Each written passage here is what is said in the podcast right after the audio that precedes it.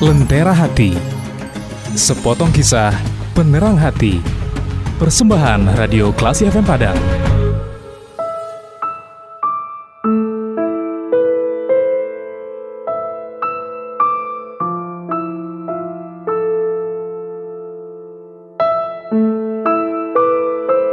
Assalamualaikum warahmatullahi wabarakatuh.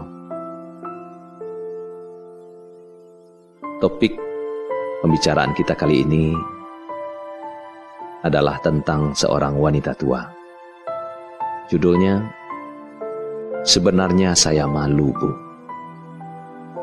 Seorang wanita tua berjalan tertatih-tatih di sebuah kompleks perumahan. Pakaiannya sederhana, kepala ditutup kerudung, satu tas putut menggelantung di bahunya. Dia berjalan ke sebuah rumah, mengucapkan salam sambil mengetuk pagar. Assalamualaikum. Sejurus dia menunggu. Tiada jawaban dari dalam rumah. Diulanginya lagi ucapan salam itu. Mungkin rumah itu sedang kosong, pikirnya. Lalu dia melangkah ke rumah yang lain. Begitulah hari-hari tua dijalaninya, menjalani rumah-rumah orang, mengetuk pintu rumah mereka, mengetuk hati mereka sambil berharap ada yang mau sedikit berbagi rezeki. Sebagian hanya memberikan seulas senyum, sebagian lagi hanya raut muka yang masam.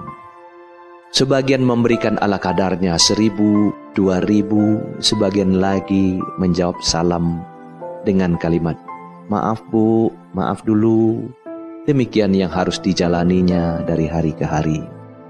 Tertatih dia beringsut, pinggang punggung kaki terasa sakit namun dipaksanya untuk terus berjalan mendatangi kompleks rumah-rumah. Hidup di usia tua ditinggal suami yang sudah lama meninggal sekian lama. Tanpa anak. Hanya seorang anak saudara perempuan yang sudah menjanda pula tinggal bersamanya namun hidupnya pun tak berkecukupan karena telah lama ditinggal cerai oleh suaminya yang menikah lagi. Dengan apa dia akan jalani hidup? Dahulu di tempat tinggal yang lama, si ibu tua itu masih bisa berjualan kecil-kecilan, tapi sejak digusur dan dipindahkan ke tempat yang sekarang, ia harus berjuang lagi mencari sesuap demi sesuap nasi. Membantu memilah-milah cabai, sayuran di pasar tradisional, Sehari hanya bisa mendapatkan upah sepuluh ribu untuk sepuluh kilo cabai. Badan yang sudah menua dan letih membuat dia kalah bersaing dengan buruh yang masih muda.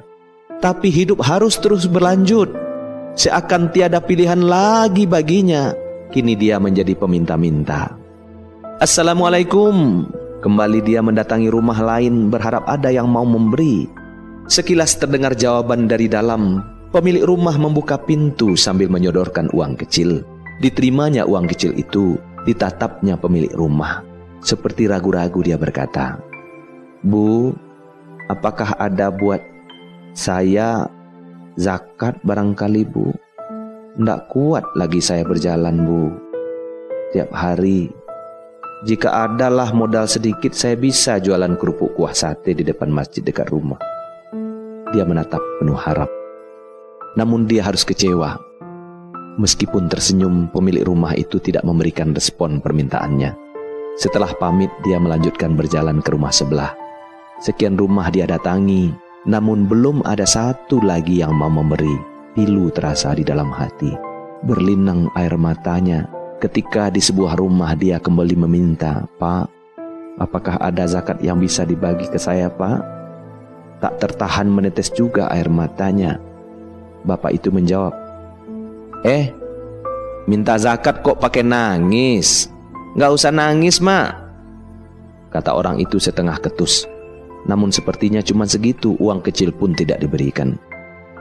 Wanita tua itu sejurus mundur lalu berjalan ke tempat lain sampai di ujung gang tak serupiah pun tambahan sedekah yang dia dapatkan. Seperti orang bingung dia kembali berjalan ke arah semula datang. Matanya menatap kembali rumah-rumah yang tadi didatanginya. Sebetulnya berat hatinya menjalani semua ini, tapi untuk bekerja badan tak kuat lagi.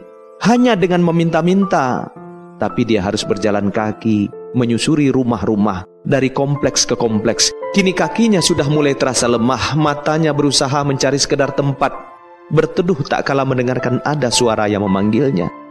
Ternyata suara itu berasal dari pemilik rumah yang tadi memberinya uang kecil, yang ternyata terus memperhatikan langkah nenek tua itu. Didatangi rumah itu dengan setengah tak percaya. Dia dengar orang itu berkata, "Letih ya, Mak?" tanya si pemilik rumah. "Duduklah sebentar di sini," katanya sambil mempersilahkan masuk. Sang ibu tua mengangguk. Dia disilahkan duduk. Ternyata si pemilik rumah sudah menanti dengan segelas teh manis hangat. Lega sekali rasanya tak kalah air teh itu melewati kerongkongannya.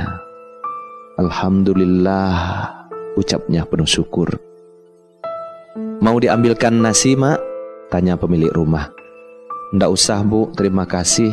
Saya ada bawa nasi sedikit katanya sambil tersenyum. Bu, sebetulnya saya malu bu. Saya tahu tangan di atas lebih baik daripada tangan di bawah, tapi apalah daya bu, katanya dengan lirih. Mukanya menunduk menahan hati. Saya sudah tua bu. Kalaulah ada modal untuk berjualan kerupuk kuah seperti dahulu bu, saya tak mau jalan lagi meminta-minta seperti ini. Tidak kuat lagi kaki saya ini berjalan bu. Berapa kira-kira modal yang ibu butuh untuk jualan kerupuk itu? Tanya ibu muda itu penuh selidik. Untuk beli 100 kerupuk 20 ribu. Minyak sekilo 12 ribu. Tambah tepung. Cabai giling seperempat 10 ribu dan bumbu. Bisa habis 50 ribu bu, katanya. Mungkin bagi sebagian orang tak kalah menyebut angka 50 ribu yang terbayang untuk apa uang 50 ribu apa artinya namun bagi si nenek itu dengan uang 50 ribu rupiah cukup sudah baginya untuk membuka usaha baru agar ia tidak lagi menjadi seorang peminta-minta meskipun tidak banyak barangkali tapi untuk mengumpulkan uang sejumlah 50 ribu itu alangkah susahnya baginya.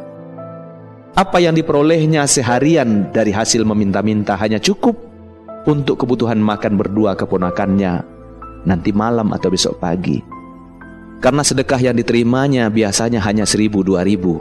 Dikurangi biaya angkot, tak ada lagi yang tersisa di kantong untuk mewujudkan niatnya berjualan. Tiba-tiba, ibu muda itu berkata, Mak, ini ada sedikit rezeki, Mak. Ibu muda pemilik rumah itu menyodorkan selembar uang 50 ribuan. Terimalah, Mak. Belikan untuk kebutuhan bahan kerupuk itu. Dan ini ada 50 ribu lagi. Mak belikan sedikit lauk dan sayur ya. Sang nenek terkesiap menatap kepada orang yang ada di depannya menggigil tangannya menerima uang 50 ribu itu, dua lembar uang 50 ribu itu. Terasa bergetar bibirnya mengucapkan terima kasih. Mulutnya komat kamit memanjatkan doa yang panjang untuk pemberi sedekah. Setelah ini bu, saya insya Allah akan langsung ke pasar bu. Untuk membeli bahan jualan kerupuk. Sepertinya doa saya dikabulkan oleh Allah lewat ibu. Saya selalu berdoa agar rezeki diberikan oleh Allah untuk memulai berjualan kerupuk kuah lagi. Mudah-mudahan di umur yang tua ini saya masih sempat mengembalikan tangan ini menjadi tangan yang di atas. Nenek tua itu pun kemudian berlalu dengan wajah sumringah. Si pemilik rumah memandang dari kejauhan. Ada rasa berdesir di hatinya. Rasa yang selalu muncul setiap kali selesai membantu orang lain. Itulah dia rasa bahagia.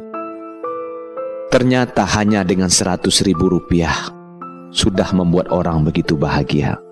Ada orang yang bisa lepas dari kesulitan, mendapatkan kemudahan hanya dengan seratus ribu rupiah. Mungkin jarang yang memperhatikan, ada begitu banyak orang tak beruntung yang dihimpit oleh kesulitan hidup. Ada yang mau bercerita, ada yang memendamnya dalam-dalam sambil berharap Semoga Allah mendatangkan pertolongan, membukakan jalan kemudahan. Rasul pernah bersabda, sebagaimana disebutkan dalam sebuah hadis dari Abu Hurairah, ia berkata, Rasulullah Shallallahu Alaihi Wasallam pernah bersabda, "Barang siapa memberikan kemudahan kepada orang yang kesulitan, maka Allah akan memudahkannya di dunia dan di akhirat nanti." Hadis riwayat Ibnu Majah dan Ahmad, Sahih menurut Albani. Classy people, marilah kita mengambil ibroh dari kisah ini.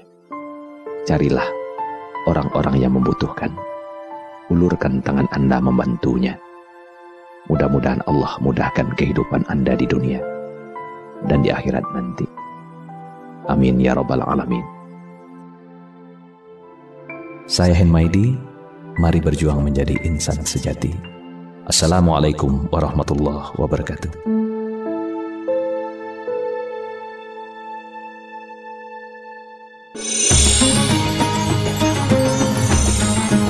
Anda telah mencermati Lentera Hati, sepotong kisah penerang hati. Persembahan Radio Klasi FM Padang.